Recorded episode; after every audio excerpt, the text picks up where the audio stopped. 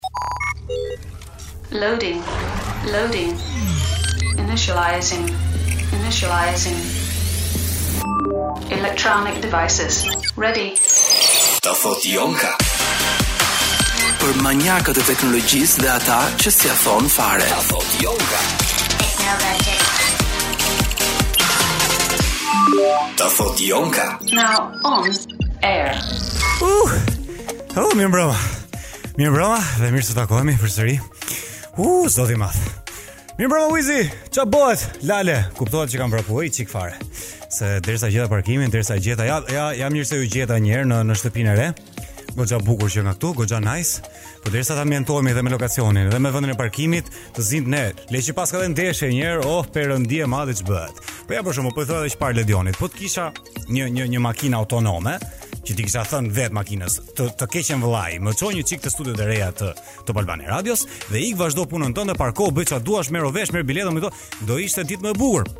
Por eh, për fatin tonë të keq, do duhet goxha kohë derisa të vi kjo dita sepse jemi goxha kohë larg, sepse në qoftë se e kuptuat do flasim për këtë sot. Për makinat autonome, për ato makina të cilat supozohet që një ditë të bukur nuk do të ketë më timon ajo makina. Ti do i thuash, do i flasësh siç i flet iPhone-it tënd Hey Siri, do i thuash Hey Ëm um, 2400 çi? Ë, si mund të them? Se, se do vinte torre. 240 çi, ha, pra Wizi, ha. Do i thuash një një një emër që ta kesh caktuar vet atëherë ku di unë Shabana, Kasema, Charlota, ku dëgjon edhe do të të çojë në lokacionin që ti dëshiron. Për këtë do flasim, do shkojmë, do të flasim për, për detaje specifike të kësaj gjëje. Do të kemi sigurisht opinionin e një eksperti, ai është një djalë nga Kosova, i cili punon për Boshin. praktikisht temën e tij të diplomës ia ka dhuruar Boshit në lidhje me makinat autonome, kështu që koka mo koka prodhojmë ne shqiptarët dhe ju nuk e keni idenë se çfarë kokash prodhojmë ne. Do të kemi sigurisht dhe sondazhin e ditës së sotme dhe ju kemi pyetur nëse është mit apo e vërtetë kjo fjali. Në qoftë se ke më shumë RAM, aq më mirë është PC-ja apo smartphone-i. Votoni ju tek faqja jonë zyrtare Top Albania Radio në Instagram. Do të kemi personazhin të cilin sot do e kemi çik ndryshe, po do e merrni vesh pak më vonë. Sigurisht do të kemi dhe iOS versus Android dhe sigurisht të gjitha gjërat që diskutojmë këtu në Ta Thotë Jonka. Jemi rikthyer se sot do të flasim për makinat autonome, për automjete të cilat janë totalisht ndryshe nga koncepti tradicional të paktën se si ne e njohim një automjet. Praktikisht nëse do bëjmë një çik histori për sa i përket automjetit ose veturës tradicionale, i pari shpikës i kësaj automjeti, të paktën një automjeti funksional ka qenë sigurisht Karl Benz, i cili ka sjellë në 1886-ën një automjet me vetëm 3 rrota. Dhe pastaj kemi sigurisht zhvillime nga më të çmendurat. Ka pasur për hir të së vërtetës që në 1771-shin tentativa për të krijuar një motor i cili do të fuqizonte rrotat e një automjeti uh, dhe ta shtynte atë përpara derisa të shkonte në një të të të të, të përshkonte një trajektore të caktuar. E thamë edhe një herë që makina e parë ishte ajo nga Karl Benz, vetëm me tre rrota, e më pas ka ndryshime nga më të çmendura të cilat e revolucionarizuan komplet mënyrën se si do të prodhohej. I pari njeri i cili e revolucionarizoi dhe i dha një ndryshim të ri, i dha një frymë të re prodhimit të makinave, të cilat deri në atë kohë prodhoheshin me porosi, siç bëheshin këpucët, Dhe themi në momentin që ti doje një një një automjet, do të shkoje tek ky garazhi i caktuar dhe i thoje, "Dua një automjet. Ju lutem shumë, më punoni një automjet sipas dëshirës time dhe dedikohej të dedikohej ty i gjithë ai automjeti dhe më pas mund të mund të edhe të zgjidhje si t'ia vije emrin, mund të zgjidhje çfarë do donte qejfi ty. Nga ana tjetër ishte Henry Ford i cili prodhoi modelin T, në mos gabofsha, po ai ka qenë modeli i parë i cili është prodhuar kështu në mënyrë masive. Çka bëri pastaj që edhe kostot e prodhimit të uleshin goxha më shumë dhe çka bëri pastaj që edhe kërkesa të ishte shumë herë më e lartë dhe shumë herë më e lirë të ishte ajo ajo ajo makinë ose ai ai produkt le të themi, kështu që edhe njerëzit e kishin edhe njeriu i thjeshtë kishte mundësinë që të blinte një automjet. E më pas kemi sigurisht invazionin e uh, aziatikëve, të cilët e kanë filluar këtë pushtimin që po shihni ju sot, e kanë filluar që në vitet 50 Nuk ua merr mendja se sa e lashtë se sa e vjetër është kjo punë. E më pas kemi integrimin e të gjitha teknologjive të paktën ashtu siç i njohim sot, derisa kemi arritur tek eh, makina tek automjeti autonom, i cili që ta marrësh vesh ti Wizo, sot ti thua në 2021-shin janë makinat që që që që lëvizin vetë praktikisht. Ato kanë qenë të tilla që në 1938 ka qenë GM-i, ajo që e ka ka publikuar ose ka shfaqur në në panairin e New Yorkut në Futurama, në mos gabofsha, ka shfaqur konceptin e vet se si do të ecë një makinë në mënyrë totalisht autonome, duke krijuar një automjet me katër rrota, i cili në në pjesët e veta, në ekstremet e veta, në katër ekstremet e veta, le të themi, nëse forma e tij do ishte drejtkëndore, kishte sensorë të cilët mund të drejtoheshin me anë të valëve elektromagnetike, por ka një problem që ky lloj automjeti mund të ecte vetëm në një pistë të dedikuar, e cila në pjesën e poshtme kishte këto sensorët për të cilët po flasim, të cilët e, e, e dirigjonin se nga ajo do të shkonte. Do ishte sigurisht një koncept interesant, po goxha kushtueshme. Imagjino të bëje të gjithë rrugët e qytetit tonë me një lloj gjëje të tillë. Ne s'po na del asfalti ky i GM-i diskutonte të tilla gjëra. Pastaj kanë qenë sigurisht japonezët ata të cilët krijuan një sistem çik më të avancuar, duke u futur kështu tek kamerat, nuk menduan më të merreshin me uh, sinjalet elektromagnetike dhe me valët radiofonike, por thanë le të përdorim kamerat dhe t'i japim një kompjuteri analog që të procesojë në mënyrë të shpejtë, aq sa mundet, dhe të të, të ecë në mënyrë totalisht autonome dhe krejtësisht të pavarur. Ëm um, deri në 20, 20 e ca kilometra në orë mund të ecë kjo lloj ky lloj automjeti. E më pas kemi përsëri Benzin, i cili prezanton një koncept kaq interesant sa s'e keni idenë. Për të do t'ju flas vetëm pas pak. Kambio automatike është prezantuar për herë të parë në 1930-ën dhe ka akoma kokëderra si puna ime dhe jotja që nuk i largohemi e nuk i largohemi manuales. E kam përshtypjen që edhe kur na i sjellin këto makinat autonome, ne prap do kërkojmë një një kambio manuale edhe pse s'do bëjmë dot asgjë. Pra po flisa për historikun dhe e lashë tek 1908 kur Fordi prezantoi Model T-në e tij. Më pas kemi në 1911 kemi këtë kuadrin elektrik të cilin se o Zot si kanë bërë përpara, përpara 1911-s. Keni kuriozitet, kuizi, s'e kam idenë as unë. E në 1921-shin kemi për herën e parë një lloj teknologjie revolucionare që prezantohet praktikisht ndezësi i cigares. Praktikisht njerëzit bënë makinën, bënë kuadrin dhe pastaj bënë ndezësin e cigares. Ok, progres. E në 1930-ën kemi radion më në fund në, në makinë, në 34-ën kemi më në fund amortizatorët siç i njohim sot me këta, këto që janë shumë këto sustën interesante. Çelësat e makinës prezantohen për herë të parë në 1949 e më pas kemi power steering, këtë lloj teknologjie e cila fuqizon timonin që të që të funksionojë më pa patur nevojën që të marrësh. Imagjino ti Wizi përpara 1951-shit njerëzit bënin krahë e bënin muskuj për t'i dhënë asaj makinës. Kemi në 1953-shin për herë të parë um, ajrin e kondicionuar në një makinë, në 1958-ën kemi cruise control-in, e kemi avancime interesante, si windshield wipers ose pastrueset e xhamave në 1969-ën. Imagjino se çfarë dreqin kanë bërë njerëzit deri në atë kohë. ABS-ja prezantohet në 1971, në 74-ën kemi më në fillim, më në fund kemi këto pajisje digjitale dhe ekrane digjitale në kroskotin e një makine, siç e quajmë ne, domethënë kroskot CD playersat janë prezantuar në 84 për herë të parë, airbag-u në 88-ën më pas kemi sigurisht të, të, në diagnostikimin ose kompjuterin on board të makinës në 94 GPS-in në 2000-shin, 2001-shin kemi më në fund Bluetooth-in, në 2002-shin kemi kamerat në pjesën e pasme dhe në 2014-ën një breakthrough për të gjithë industrinë e makinave, kemi autopilotin nga ana e Teslës. Dhe për Teslën ne do të flasim edhe pak më vonë tek rubrika jonë e personazhit, sepse um, nuk kishim një person të caktuar me të, për të cilin mund të flasim sa i përket industrisë së automjeteve, sepse ka disa njerëz dhe nga ana tjetër më shumë kompanitë janë ato që po bëjnë breakthrough. Mund të thoshim Elon Muskun, por kemi folur për Elon Muskun dhe është kaq i shpërndarë ky njeri saqë nga ana tjetër edhe në Tesla nuk është aq i përfshirë. Kështu që për Teslën ne do të flasim, por nuk është vetëm Tesla.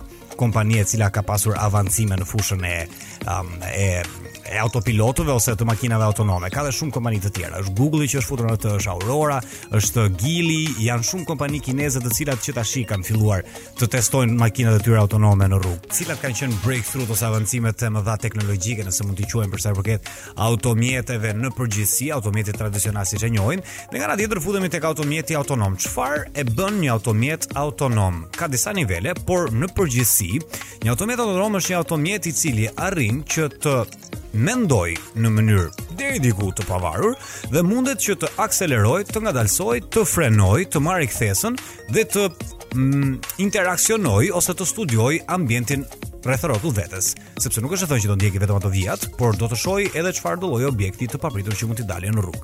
Dhe ky lloj automjeti, me anë të aksesit ose inputit njerëzor ose jo, mundet që të eci vetë, t'i japi gaz vetë, ta kthejë timonin vetë dhe të bëjë të gjitha shërbimet vetë. Përveç pastaj shërbimet e mirëmbajtjes e atyre gjërave të tjera të cilat sigurisht janë edhe më specifike.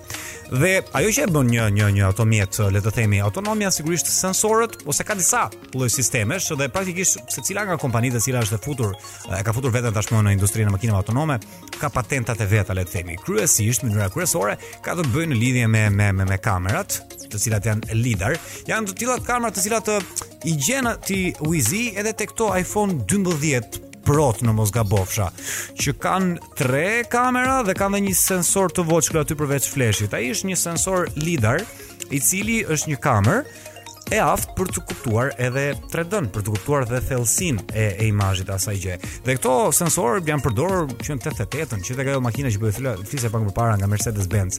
Vo Vamors, ok, këto. Vamors quhet ky lloj produkti që ka qenë një fugon i pajisur me disa kamera, i aftë për të ecur në mënyrë plotësisht autonome që në 88-ën. Një program i hapur deri në 2003 nga Benzi, më pas sigurisht teknologjia u shit nëpër kompani të tjera. Pra ka disa nivele uh, nga 0 deri në 5 për të për të për të përcaktuar se sa autonome është një një automjet. Për t'ju marrë një shembull konkret, Tesla uh, ka një nivel të dytë të am pavarësisë së saj.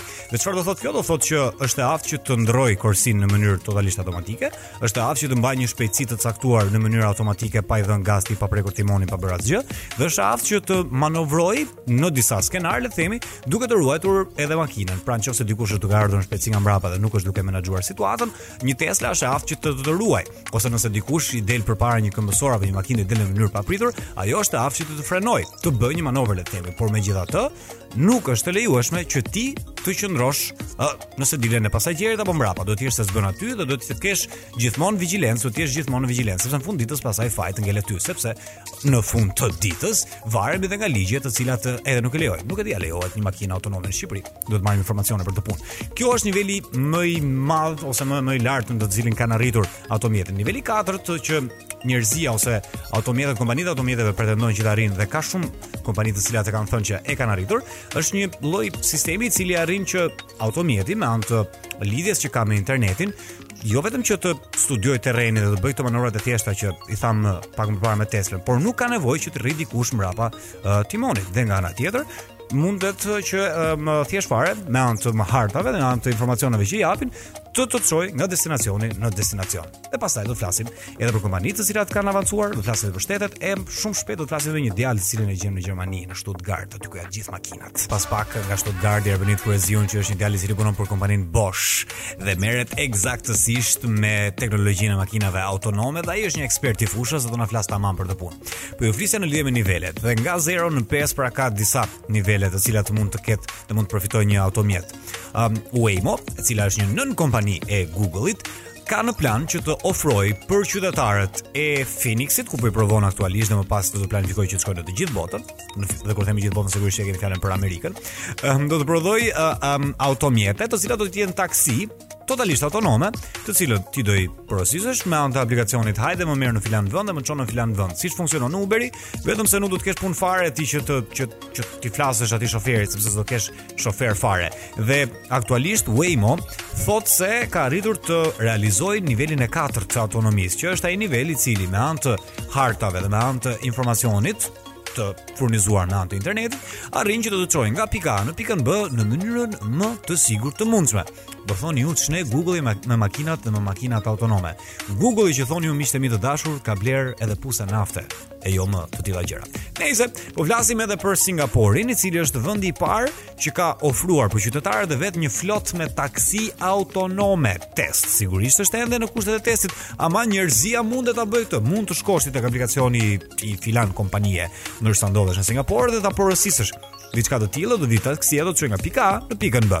Dhe kjo është një pikë shumë e rëndësishme për për për për historinë e automjeteve autonome, të cilat supozohej që do të vinin që në fund të 2020-2021-shit, por vonesa teknike dhe vonesa e pandemisë shkaktuan që të vonohet dhe të shtyhen për pak kohë më tepër.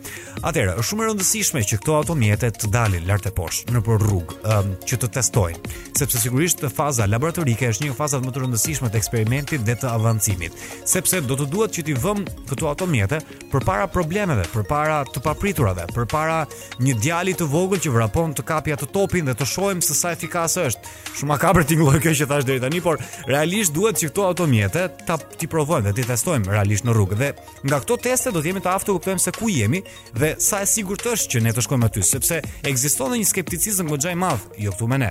Ne akoma duhet të mbushim gropat e asfaltit. Por po flasim për Amerikën e cila ende ka një lloj skepticizmi për faktin që do t'i duhet që të hipi në një robot dhe nuk i beson. Do thoni ju aksidente ka dhe aksidente do të ndodhin. Por nëse ne jemi deri diku falës, deri diku tolerant me një njeri që bën një gabim me një makineri, me të drejtë nuk mund të jemi absolutisht fare uh, tolerant. Por normalisht do dojë kohën e vet. Dhe siç thoshte dhe një inxhinier i Waymo-s, Asgjë nuk është e sigurt. Nga një makinë deri tek një furçë dhëmbësh, asgjë nuk është 100% e sigurt, mund të ndodhi gjithçka. Ajo që do t'i duhet automjeteve për të funksionuar tamam në këtë idealizmi le të themi në nivelin e 5, për të cilin oh, se siç ju thash një herë, niveli 5 në anën tjetër është një lloj autonomie, e cila edhe në në, në Afganistan ta hedhësh ti këtë makinën, ajo është e aftë pa pasur as lidhjen e internetit, pa pasur as harta, pa pasur asgjë, të orientohet dhe të shkojë në destinacionin që i është kërkuar që të shkojë.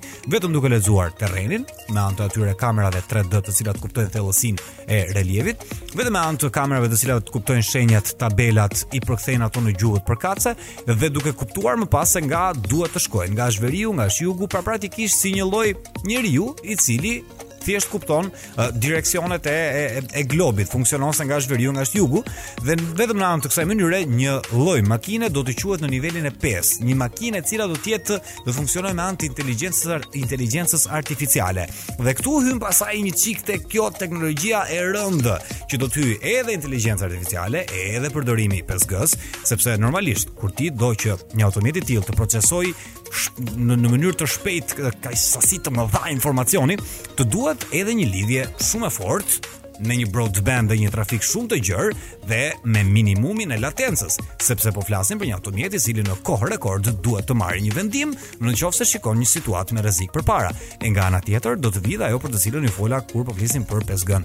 Një një një një ëndërr ose një një një realitet shumë interesant për botën ku do të jetojmë, ku makinat autonome do të komunikojnë me njëra tjetrën. Tashi varet ë se cila cila automjet do komunikojë me, me kë, sepse normalisht kompanitë do krijojnë familjet e tyre. Mercedesi do komunikojë me Mercedesin, Tesla do komunikojë me Teslën. Ëm um, dhe po flasim pra për një një kohë kur një automjet do të komunikojë me automjetet e veta që ndodhen përpara dhe ato automjetet që ndodhen përpara do i thonë këtij automjetit tënd, shiko se në filan rrugë ka trafik, mos i bjer nga kjo rrugë, bjer nga rruga tjetër. Ose në rast se një kamion hapi një derë në mënyrë krejt të papritur, ti nuk e pe, automjeti përpara teje e pa, lajmëron automjetin mbrapa teje në cilin ndodhesh ti dhe devion rrugën. Duket si fantashkencë, por janë teste dhe teori për të cilat ka shumë njerëz që po punojnë. E mes këtyre njerëzve po që po punojnë, ka edhe shqiptarë, me të cilët unë do t'ju lidh vetëm pas pak. E ta mbyllim pastaj, edhe këtë këtë segment të diskutimit të sotëm, është shumë e mundshme që gjeneratat e radhës, pavarësisht se gjeneratat të cilat po jetojnë tani kanë atë frikën e tyre dhe skepticizmin e tyre në lidhje me me me një robot dhe se sa duhet t'i besojnë këtij roboti, thjesht të jeni shumë të bindur të gjithë që po më dëgjoni tani, kudo që ndodheni në makinë, në autobus apo kudo qofshi ju, ai djali i vogël i cili do eci rrugëve apo ajo vajza e vogël që më tregojnë kështu, ë uh, që do shikojë një makinë që ecën vetë, të jeni të bindur që jeta dhe perceptimi i tij për jetën do të jetë plotësisht ndryshe. Dhe kjo na çon te konkluzioni. që shumë shpejt brenda një 20 vjeçari, 10 vjeçari nuk do të ekzistojë më koncepti i blerjes së një makine, sepse njerëzit, siç edhe po e shihni tashmë tek Uber apo këto kompani të tjera që ofrojnë sharing të kilometrave, njerëzit thjesht do të shtypin një buton dhe ai butoni do t'i sjellë automjetin autonom tek dera e shtëpisë do e çojë nga pika A në pikën B dhe do ketë kaq shumë alternativa sa do të jetë super e lirë dhe nuk do të jetë e logjikshme që të blesh një automjet. nuk do të jetë aspak e logjikshme. Siç nga ana tjetër, nuk do të jetë e logjikshme që të punësojmë shoferë, shoferë qofshin ata të limuzinave dhe taksive, të cilat që tani jemi duke i eliminuar pranë të botën moderne, dhe nuk do të jetë më nevoja që të kemi kamionistë, sepse kjo do të thotë që shumë shpejt transportimi i mallrave do të bëhet në mënyrë autonome. Dhe e mbyllim me një pyetje të madhe.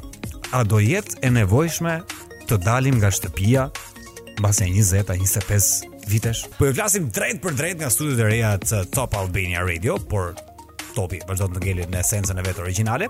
Dhe këtu në ta thotë Jonka ju kemi bërë një pyetje në rrjetet tona sociale, në Instagram më konkretisht dhe tamam ju pyesim për rubrikën tonë mit apo e vërtetë. Si mendon ti Se është. Sa më i madh rami, aq më i shpejtë kompjuteri apo smartphone-i. Ti mendon se është mit apo mendon se është e vërtetë kjo? Mund të komentosh, mund të shtypësh tek sondazhi jonë tek faqja jonë në Instagram tek Top Albania Radio. Atëherë personazhi i ditës së sotme, nëse mund ta quajmë personazh, por praktikisht nuk është personazh, është Tesla. Që të kuptojmë tamam tamam se çfarë duhet për të për të për të bërë një kompani si Tesla e cila është themeluar për informacionin tuaj në 2003-shin dhe jo nga Elon Musku, por nga Martin Eberhard dhe Marc Tarpenning, dy çuna të tjerë në Palo Alto, në në Amerikë sigurisht, një kompani e cila u nis me qëllimin e thjeshtë për të krijuar një kompani mm, e mbështetur tek teknologjia, tek inovacioni, tek fuqizimi me anë të energjisë elektrike dhe nga ana tjetër të kishte dhe um, fuqinë e vet motorike. Uh, bateria, software kompjuterik dhe motori vet plotësisht autonom. Ka qenë uh, momenti i parë ku ata u morën seriozisht le të themi sepse normalisht janë këto startupet të cilat kërkojnë financime dhe mbështetje nga ana biznesmenëve. Momenti i parë që ata kanë marrë uh, vëmendje ka qenë nga Mercedesi dhe besojeni ose jo, por Tesla e parë në thonjza nëse mund ta quajmë, ka qenë një smart. Dhe si pjesë e kontratës që ata kishin me Daimlerin, uh, duhet që të fusnin një motor elektrik tek një makinë smart dhe ta bënin atë pasaj që të ecë me anë të energjisë elektrike.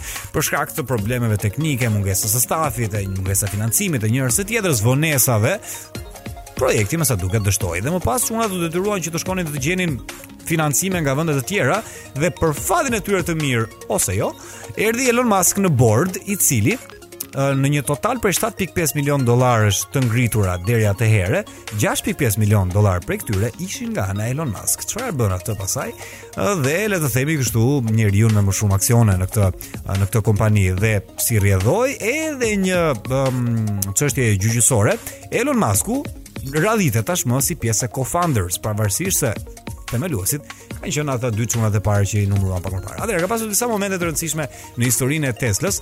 Nga viti 2005 në vitin 2009, ata kanë prodhuar një makinë të quajtur Roadster, një makinë sportive. Ajo makina, e njëjta makinë që lançuan dhe në hënë pasaj në 2018 në 2019, në 2019 mos gabofsha. Ëm um, dhe po ka qenë një makinë elektrike sportive dhe normalisht duke ëm um, duke vënë bast kështu kështu tek publiku ekzotik le të themi, tek ai publik i cili edhe e kishte lekët, sepse normalisht Në atë lloj kohe një Tesla kushtonte shumë, jo se sot nuk kushton edhe aq. Dhe më pas kemi krijimin e um, një auton dy modeleve të tjera, të cilat supozohej që do të ishin deri diku më më të përballueshme të modelit S dhe të modelit X. Nga 2010-ta deri në 2015-ën janë prodhuar këto automjete dhe më pas kemi uh, realizimin e qëllimit të themelimit të që në fillim të një kompanie si Tesla, që ishte prodhimi i një automjeti me energji elektrike plotësisht deri diku autonom dhe të përballueshëm për publikun sepse në fund të ditës është kjo që Henry Fordin e bëri të ishte Henry Fordi. Fakti që ti një koncept kaq të shtrenjtë e bën të jetë aksesueshëm dhe për qytetarin uh, me ekonominë më modeste le të themi. Dy modelet e para të aksesueshme për nivelin mesatar dhe kur themi aksesueshëm po flasim për çmime nga 80000 euro e sipër, ishin model S dhe model X. Modelin e tretë ai donte ta quante E që të bënte model S, model E, model X dhe e kupton ti. Wizi pastaj se ç'do të bënte, por mm, nuk ja lejuan, nuk e di pse, dhe ja vuri 3. Thjesht modeli 3, i cili u prodhua nga 2016 deri në 2018, duke ulur goxha çmimin e një makine kështu deri në një çmim prej 30000 uh, dollarësh. Goxha e aksesueshme, ndoshta jo për tregun shqiptar, por për një treg si Amerika është një makinë le të themi modeste dhe mesatare. dhe mos harrojmë që një kompani si Tesla deri në 2017-ën nuk ka deklaruar kokërr fitimi, s'po themi të ardhura. Po flasim për fitime, sepse ajo çfarë e bëri Teslën që sot të ketë, ja një sekondë se më iku shifra, do ta kem diku këtu lart. Sot të ketë 31.5, edhe pak më shumë, bilion të ardhura, është pikërisht ndryshimi i modelit të biznesit, sepse kanë kaluar në shumë pengesa. Në 2016-2017 Elon Musk madje ka pranuar që konsideroi që t'ia shiste uh, kompaninë Tesla, t'ia shiste Apple-it, por Tim Cook refuzoi atëherë sepse tha nuk i dukej si projekt me interes, me interes. Shifeni pak se çfarë po bën Apple tani. po prodhon makinën e vet elektrike. Në 2017 ishte gati në në në në humnerë Tesla, le të themi dhe ishte gati për të falimentuar. Ndërsa në 2020 kemi 31 bilion të ardhura të deklaruara. Kjo sepse aksionet e kësaj kompanie kanë shkuar në qiell, kanë shkuar fiks atje në hënë. Kjo sepse ka ndryshuar plotësisht mënyrën se si uh, i prodhon makinat e veta. Sot në 2020 Tesla vlen më shumë se GM Motors, se Ford Motors dhe dhe një dy tre kompani të tjera amerikane të gjitha së bashku dhe është kompania me vlerën më të madhe në të gjithë botën sa i përket automjeteve. Kjo sepse edhe një herë e mbyll tash dhe është thema të konkluzionin tek modeli i i i, i shitjes dhe e formimit të biznesit, sepse një mënyrë se si prodhohet një automjet tradicional te këto automjetet me me me motora me djegie të brendshme është që një pjesë ne ja kontraktojmë një kompanie që na e prodhojë, këtë pjesën këtu ja marrim kësaj kompanisë, këtë pjesën këtu ja marrim se motorin ja marrim Renault-së, uh, parakolpin ja marrim Volkswagen-it, këtu kësaj se pra janë platforma të cilat ndërtohen në këtë lloj forme dhe kështu e kanë modelin e tyre të biznesit, por këto çojnë në kosto, çojnë në vonesa, çojnë edhe në një në një model biznesi i cili ka funksionuar kështu deri tani me fitime të shpërndara në masë goxha. Ndërsa Tesla prodhon kompanitë e veta, fabrikat e veta, çfarëdo lloj gjëje që asemblohet, grumbullohet në një makinë Tesla, është e prodhuar nga e njëjta kompani. Fillon linja e prodhimit në një vend dhe del në në prodhimin në në linjën tjetër. Me vetëm një kompani në Texas. Ndërsa sot kemi kompani dhe fabrika Tesla në Kinë dhe nga ana tjetër është hapur më në fund dhe një kompani Tesla në Gjermani, miqtë e mi të dashur. Dhe urojmë që shumë shpejt pse jo, të vijë edhe një tjetër këtu. Dhe e mbyllim fare tani me këtë tjetrën se e kam thënë 7 herë që do e mbyllim. Ë uh, mënyra se si një Tesla funksionon dhe ajo se çfarë bën atë makinë përpara të gjithë konkurrencës është sigurisht modeli i biznesit, por ka të bëjë sigurisht edhe me softuerin, sepse praktikisht ajo që ti je duke i dhënë, qoftë se je aq fatlum sa të kesh një një Tesla, në qoftë se je Agron Shehaj, qoftë se më dëgjon të përshëndesim. urime në këtë garë në garën e për kandidaturën. Ëm um, një Tesla është një mm, kompjuter me katër rrota, i cili merr update njësoj si smartphone-i jot dhe praktikisht ai bëhet sa vjen më inteligjent dhe bëhet makinë sa vjen më e mirë. Është e aftë që të diagnostikojë veten se ku i ka problemet, si çfarë ka me gomën, çfarë ka me timonin dhe çfarë çfarë ka nga ana tjetër dhe është e aftë që të marrë dhe update-et më të fundit. Në qoftë se makina jote nuk mund të parkojë vetë, sot me update-in e fundit Parkohet. E kupton ç'bëhet? Mirëmbrëma Arbenit na dëgjon. Po, më të jonë të gjaj Ej, mirëmbrëma Arbenit Ç'bëhet, si të kam? Mirë, mirë, mirë A, ndoshta jo aq mirë sa ty që ndodhesh në mes të Europës, po mirë, nuk qahemi E, jo, po ne jemi në mes të Europës, po kemë dëshirë prapë të kthehemi atje Arbenit, dëgjo, të kam ftuar sot për të folur për automjetet autonome gjë për të cilën ti sigurisht ke ekspertizë, por që edhe njerëzit ta kuptojnë më mirë, të lutem shpjegoja ti njerëzve se çfarë të lidh ty me automjetet autonome. Ë uh, po ka qenë gjithmonë dëshira për ma shumë me u interesu për këtë lami, mm -hmm. edhe kjo ka qenë arsyeja kryesore që kam marrë edhe këtu në Gjermani për me studiu. praktikisht Stuttgart, sepse këtu bahet shumë zhvillim dhe hulumtim në këtë lami për makina autonome, së pari për senzorikën e cila e tamam e modelon mjedisin përpara, mm -hmm. e pastaj edhe zhvillimi ma tutje ose përcjelljen e këtij informacioni që që ndejë të makinat autonome. Mm -hmm. e, kam ardhë dikun në fund vitit 2016, Për studimet master, pasi që kam mbaru në Prishtinë bachelor, inxhinieri elektrike dhe kompjuterike, kam vazhdu edhe këtu masterin po ashtu në inxhinieri të telekomunikimeve me specializimin në përpunimin e sinjaleve të radarit për këto makinat autonome. Mhm. Mm dhe dhe sot studime Dhe sot ti je në një në një vend pune, në një në një kompani prestigjioze si kompania Bosch, po? Po, gjatë studimeve pata fillu si student, aty si praktikant për Boschin, tu mhm. punu, edhe pastaj jemi marrë vesh të vazhdojmë edhe kooperacionin për një temë të diplomës, për mhm. master, mm -hmm.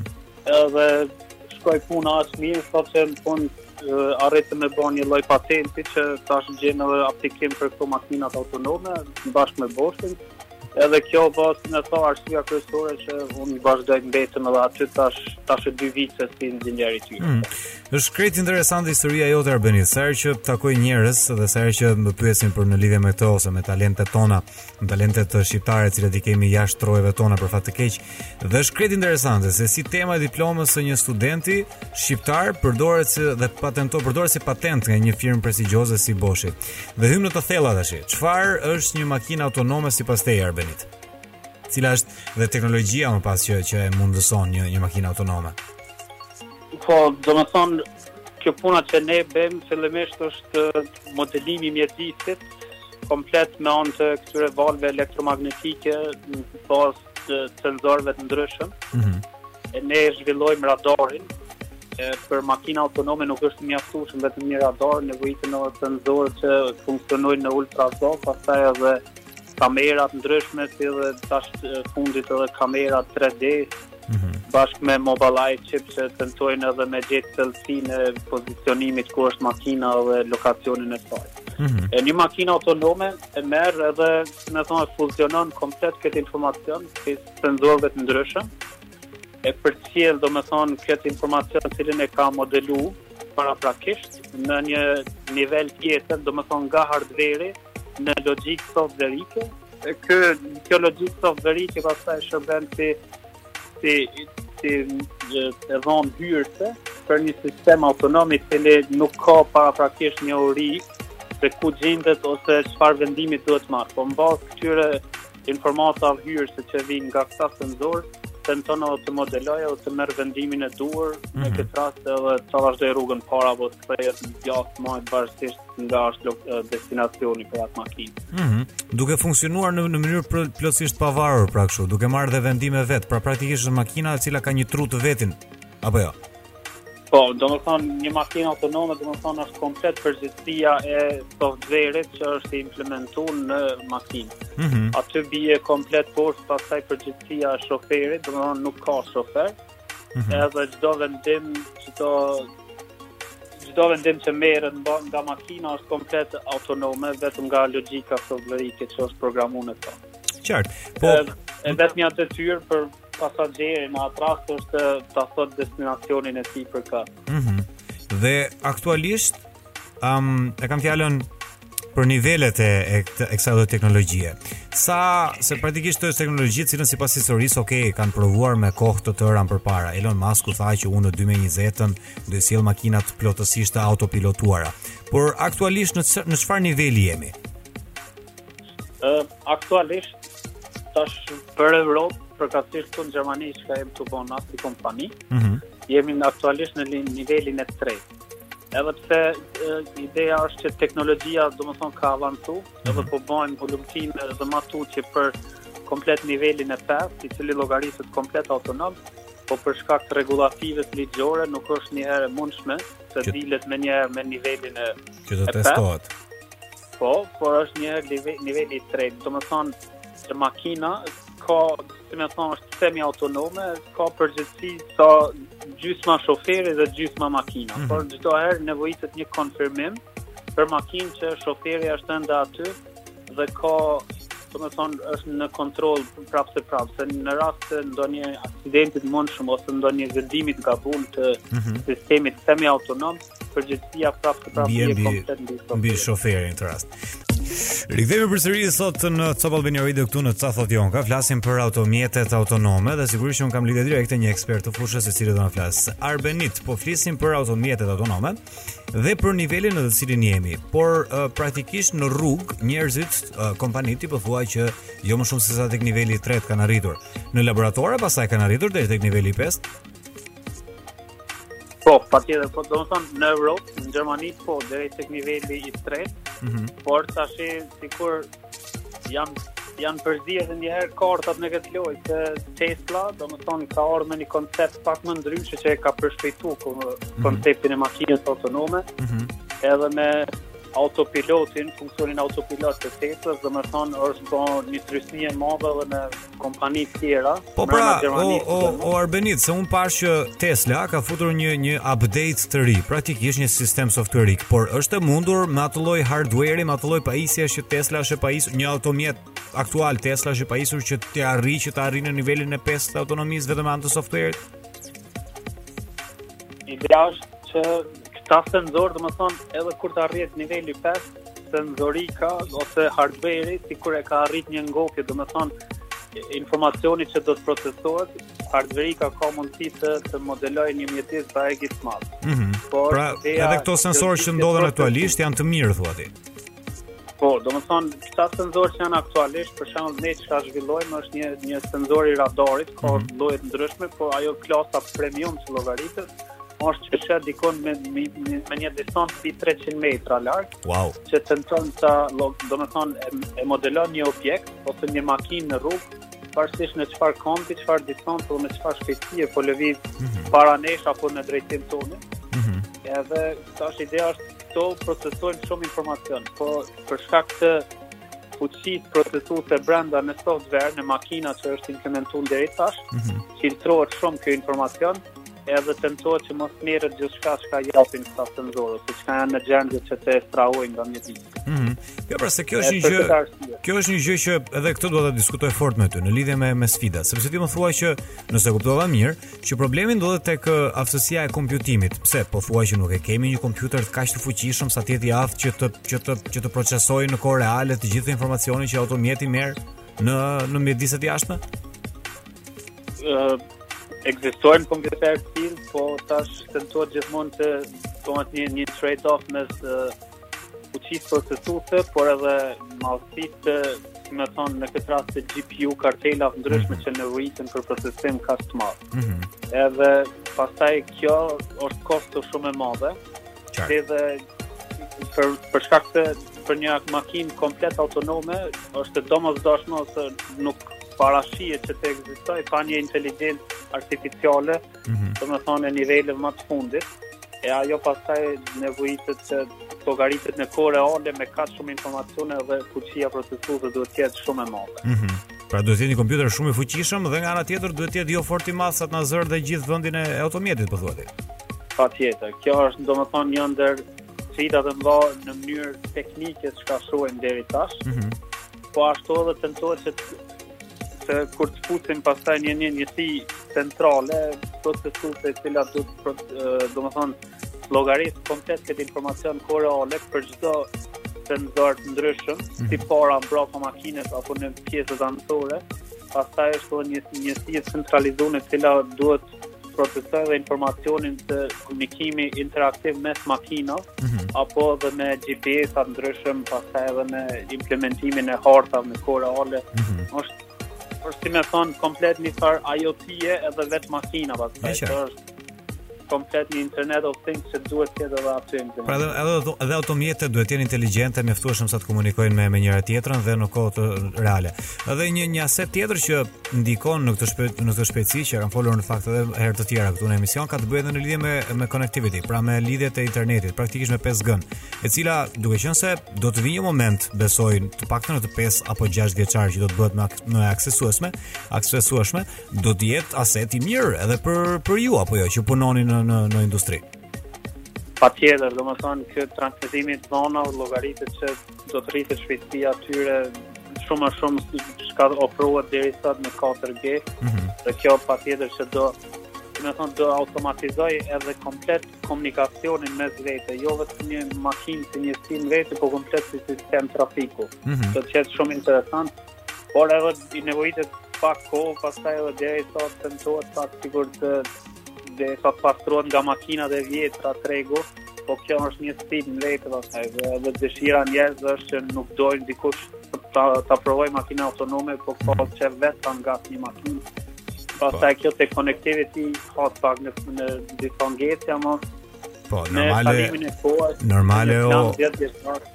O Arbenit, tashi se të bëjë edhe Wizit. Është prezantuar kambio automatike që në vitet 20-30. Unë akoma sot e kësaj ditë jam fanatik. E dua me manuale makinat. Nuk ka, nuk jo, s'ka automatike me mua, nuk nuk nuk s'du më burr.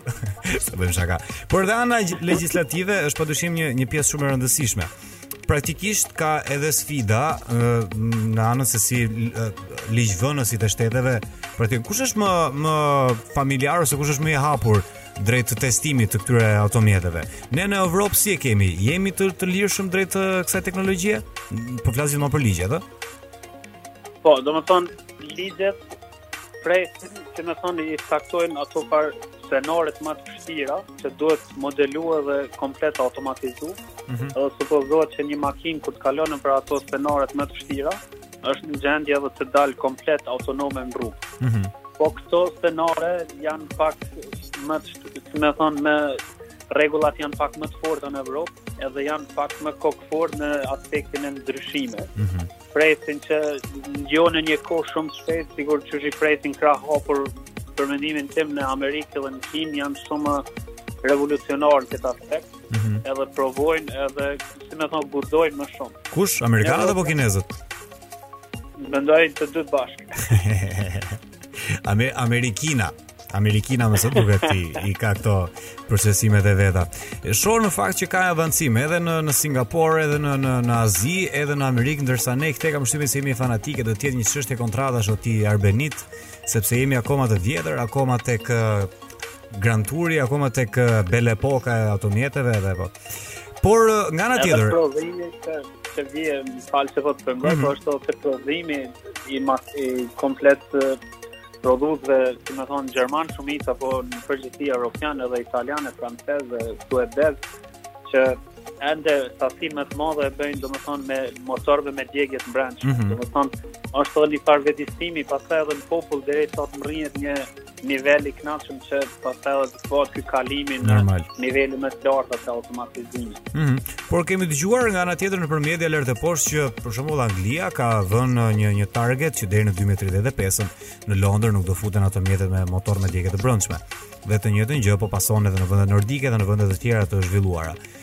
Biden dhe administrata e vet u zotuan që do të do të kalonin të gjitha automjetet e administratës në automjete elektrike. Ky është diskutim tjetër sigurisht sepse i takon automjeteve elektrike. Por teknologjisë së automjeteve autonome, a mendon ti se i kemi larg si realitet apo i kemi afër? Për mendimin tim, nuk është edhe shumë larg. Domethënë, këto farë breakthrough që vijnë, pastaj në teknologji është edhe aspekti si, si një domino. Njëherë është vështirë derisa të futen në treg, pastaj do, do të globalizohet shumë shpejt. Mm -hmm. Edhe parashihet, domethënë, ne mrenda Bosch-it, se ne e, e zhvillojmë edhe hardware-in po edhe logjikën softverike, po kjo pastaj shitet dhe implementohet në në produkt makina. Ëh. Uh -huh. Edhe marrëveshja është që deri në 2026 jemi në gjendje të dalim me makina autonome. Është edhe plani që është ende aktiv, uh -huh. që për shembull këtu në qytetin e Stuttgartit të jenë taksia, domethënë një kooperacion mes Bosch-it edhe Daimler uh -huh. për taksi autonome.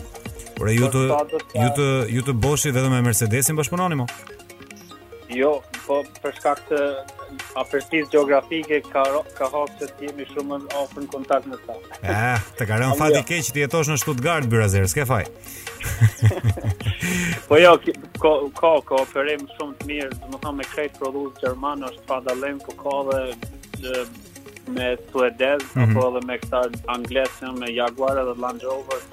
mm -hmm. edhe me Amerikanë, domethënë prodhues, në përgjithësi është është në aspektin global shumë mirë me kooperim. Ëh. Mm -hmm. Do ja marri ndonjë njeri Tesla-s apo ka ecur shumë para? Neve na vjen pak inati me pranu ama Tesla me të vërtetë ka ecur para. Megjithatë, besoj se do të jetë një avancim për të gjithë botën dhe të jetë një benefit po jo. E efekti domino të cilin ti e përmende Besoj se do na do na ndikojë të gjithëve, edhe edhe ju si kompani do të rriteni me njëri tjetrin. Ama një gjë është e rëndësishme Arbenit dhe këtu do të përshëndes. Ë, uh, siç edhe tek AMG-ja, çdo inxhinier që prodhon motorin e vet tek shasia aty shkruan emrin e vet, ne ndihemi të lumtur që te këto teknologji kaq breakthrough, kaq uh, me me leverdi për të gjithë popullin dhe kaq të rëndësishme për historinë e njerëzimit, është dhe një emër shqiptar aty mes atyre Mes atyre avancimeve Me Arbenit Kryeziun ishim Arbenit do të përshëndes dhe do të uroj shumë suksese Shumë faleminderit për ju dhe të përgëzoj dhe për emisionin dhe shpresoj të dëgjohemi prapë për të mira Absolutisht po i dashur gjithë të mirat dhe, dhe mirupafshim Faleminderit që ishe me ne uh, Po, jemi duke folur për automjetet autonome Sigurisht që do shkëputemi një çikë fare muzikë se u trash njeriu me gjithë këtë muhabet Apo jo Wizi, të mërzita sot, e? Ta lodha kokën sot Po ne të fshatit kështu e kemi. Ecim përpara, shkojmë me muzikë, rikthehemi pas pak do të flasim për Team iOS versus Team Android, do të flasim nga ana tjetër edhe për sondazhin. Sa e vërtetë është që rami i madh i një pajisjeje ndikon në performancën e tij? Do e merrni vesh edhe tani, pas pak. Ekziston një besim uh, në në në njerëzi, në konsumator, Që sa më i madh të jetë ai rami, aq më i mirë është ai kompjuteri, aq më i shpejtë është ai smartphone dhe momenti që të zbulojmë të vërtetën. Këtë pyetje ua kemi bërë në Instagram, në Top Albania Radio, në faqen zyrtare në Instagram dhe Më keni surprizuar meqë ra fjala 53% prej jush kanë thënë është e vërtet Ndërsa 47% prej jush kanë thënë është një mit Më vjen të më vjen uh, keq uh, ju që keni votuar se është e vërtet T'ju them që e keni gabim. Pra mazhoranca prap qenka gabim sot, sepse po është e vërtet uh, që është gabim. Rami nuk do të thotë detyrimisht që smartphone-i jot është më i miri apo kompjuteri jot është më i miri, sepse um, tamam tamam ajo se çfarë Rami bën është që të të të të, të japë le të themi um, një komunikim shumë herë më të shpejt midis procesorit dhe pjesëve të tjera të një smartphone apo të një kompjuteri apo të një pajisje, le të themi kështu, duke mundësuar që uh, informacioni të kalojë sa më shpejt dhe të mbajë njëkohësisht sa më shumë uh, mend aplikacione. Një gjë që duhet të provoni sa herë që shkoni të blini një smartphone është shkoni hapeni këtë smartphone-in dhe hapni sa më shumë aplikacione sa më shumë që të mundeni. Dhe shkoni më pas tek App Drawer ose tek ajo tek ai butoni anash që t'i hap të gjitha aplikacionet që ke lënë hapur dhe klikoji të gjitha me radhë. E para shiko një herë sa shumë nga këto aplikacione të mban që normalisht do mbaj sa të duash, ka një numër të caktuar, por do mbaj goxha. Ëm um, dhe më pas të shohësh se si um, e mban mend. Në rast se ti ishe tek uh, po them unë tek postimi i caktuar i krashit tënd në Facebook. Më pas ti shkove tek Tinderi, se u zhgënjeve nga krashi jot, i cili nuk ta vari në Facebook. E pe që në Tinder, shkove deri tek një profil interesant dhe ngele aty. Pastaj shkove sepse kishe një ndeshje për të parë tek aplikacioni i Live Score-it. Edhe aty e pe se kjo ndeshja nuk po të shkonte mirë. Pra ters që ters, s'eci, the të shkoj në Instagram, shikoj mos po më ecën mirë. Dhe nëse ti kontrollon këto aplikacione dhe shikon që smartphone-i jot i ka mbajtur mend momentet dhe vendet ku ishe do thotë që ke një ram të shëndetshëm, do thotë që ke një ram të fuqishëm le të themi kështu. Por gjithçka që rami bën është thjesht të mbajë mend aplikacionet dhe që t'i japi procesorit më shumë uh, informacion nëse procesori është i shpejtë gjithmonë, t'i japi atëherë kur ai do. Praktikisht, nëse ke një makinë, pra makina po marrim shumë sot. Nëse ke një makinë me një motor të shpejtë, kjo makina përveç se do të ketë një motor të mirë dhe të shpejtë, dhe të gjithë sistemin tjetër të gomave, të komfortit të gjitha, ka nevojë edhe për një transmetues të kësaj shpejtësie kaq të mirë. Praktikisht Rami është ky transmetuesi i kësaj shpejtësie. Pra, që do thot, sado që ty të ta shesin atë smartphone-in apo atë laptopin që shih se ka 8 giga RAM, ka 6 giga RAM, ka 4 giga RAM, ka kaq giga RAM, ka 120 giga RAM, uh, ajo që duhet shohësh është një procesor.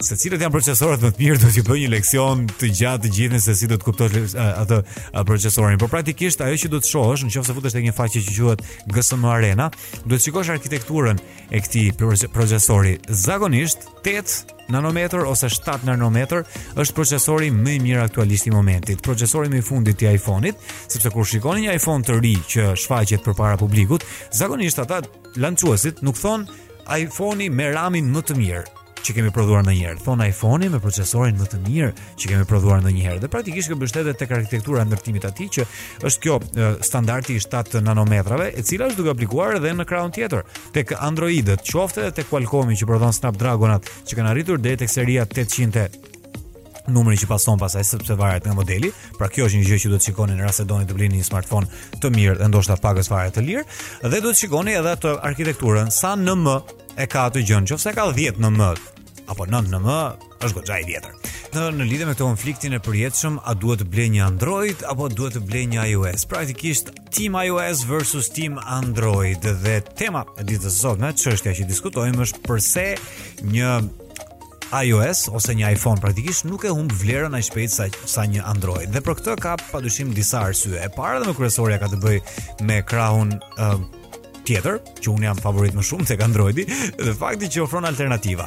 Është paradoksale se si një nga asetet ose një nga tiparet më të preferuara nga ne tifozat e Androidit, është njëkohësisht edhe një nga faktorët kyç sepse vlera e një Androidi bie shumë herë më shpejt. Por praktikisht ke një Android i cili është një sistem open source i ofruar nga Google dhe çfarë do thotë open source? Open source është praktikisht kodi i burimit ose kodi origjinal fare mbi të cilin është i bazuar ky sistem operativ, është i hapur për të gjithë, çka do thotë se edhe unë, në qoftë se jam një developer, një zhvillues programesh, mund ta marr këtë lloj softueri dhe mund të krijoj pastaj softueret e mia, mund të marr aplikacionet e mia që t'i krijoj mbi këtë lloj aplikacioni. uh, pastaj se sa e pranojnë kompanitë e mëdha këtë aplikacionin tim apo këtë sistemi që unë kam krijuar është gjë tjetër dhe kërkon sigurisht leje dhe kërkon partneritetet e veta. Dhe duke qenë se uh, Google e ofron sistemin e vet operativ për Samsungun, për Huawei-n, për të gjitha ato kinezërira dhe të gjitha kompanitë e tjera të cilat nuk janë iOS, sepse ka një dy smartphone të tjerë që kanë sisteme të tjera deri dhe Linux, por nuk do merrem me ato, do merrem me kryesisht ato që njeh konsumatori. dhe uh, praktikisht um, Androidi ofron uh, një një shumëllojshmëri alternativash. Pra në qoftë se unë dua një smartphone të lirë, unë e kam një alternativë për një smartphone të lirë. Në qoftë se unë dua një smartphone të të, të shtrenjtë, unë e kam një alternativë për një smartphone të shtrenjtë. Por kjo lloj uh, mishmashi kaq i madh bën që të jetë një lloj produkti lehtësisht i gjetshëm, çka do të thotë se edhe vlera e tij do bie shumë më shpejt. Nga krahu tjetër, iPhone-i, Apple-i prodhon një smartphone në vit një të vetëm me modelet e veta të cilat deri diku janë detyruar që të pranojnë edhe një çik modelin e biznesit të Samsungut dhe të kompanive të tjera, duke qenë se këto kohë të fundit janë duke ofruar përveç atyre linjës kryesore të smartphone-ve dhe tre kategorive të ndryshme të klientelës që preferojnë, pra Maxin, atë standardin dhe atë pak më të lirin, kanë ofruar tashmë jemi në gjeneratën e dytë në mos gaboj, të SE-së, që është praktikisht rikthimi i një smartphone-i me një dizajn të vjetër, pra praktikisht kur ata kishin tek iPhone 11-a, ofruan një iPhone uh, SE, i cili kishte një dizajn si iPhone 8-a, por me performancë shumë herë më të mirë, me praktikisht me procesorin e njëjtë që përdorte 11-a, praktikisht një një smartphone i lirë edhe për masën. Pra e shtrinë dhe ata dorën le të themi. Dhe prapë sidoqoftë edhe pse është thjesht një alternativë më shumë nuk ndikoi në rënien e çmimit të iPhone-it. Çka nuk çfarë uh, uh, arrin edhe tek pika tjetër pastaj që është gjë e rëndësishme në lidhjen luftën midis iOS-it dhe Android-it fakti që mm, uh, le të themi iOS-i të ofron një kohëzgjatje më të madhe të update-eve.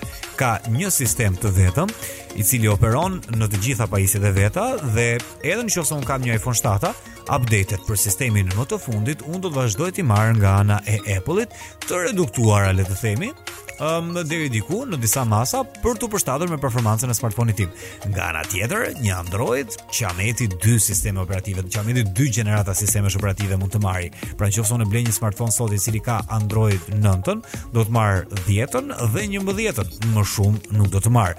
ndërsa iPhone-i nga ana tjetër ofron që edhe iPhone 7 në gjithë tash për para, deri tek iPhone 7 mund të arrijë. Pra praktikisht janë 4 ose 5 gjenerata smartphone-ash të cilët marrin update dhe update-et, sigurisht që ndikojnë në performancën e një smartphone-i, por ndikojnë edhe në sigurinë e një smartphone-i. Dhe këto janë dy arsyet kryesore se pse një iPhone nuk do humbasi vlerën njësoj sa një Android. Dhe arsye e tretë sigurisht që ka të bëjë edhe me status quo-n i cili dhe këtë statusin në të cilin ty të pasurit në pronësi të një iPhone-i të pozicionon.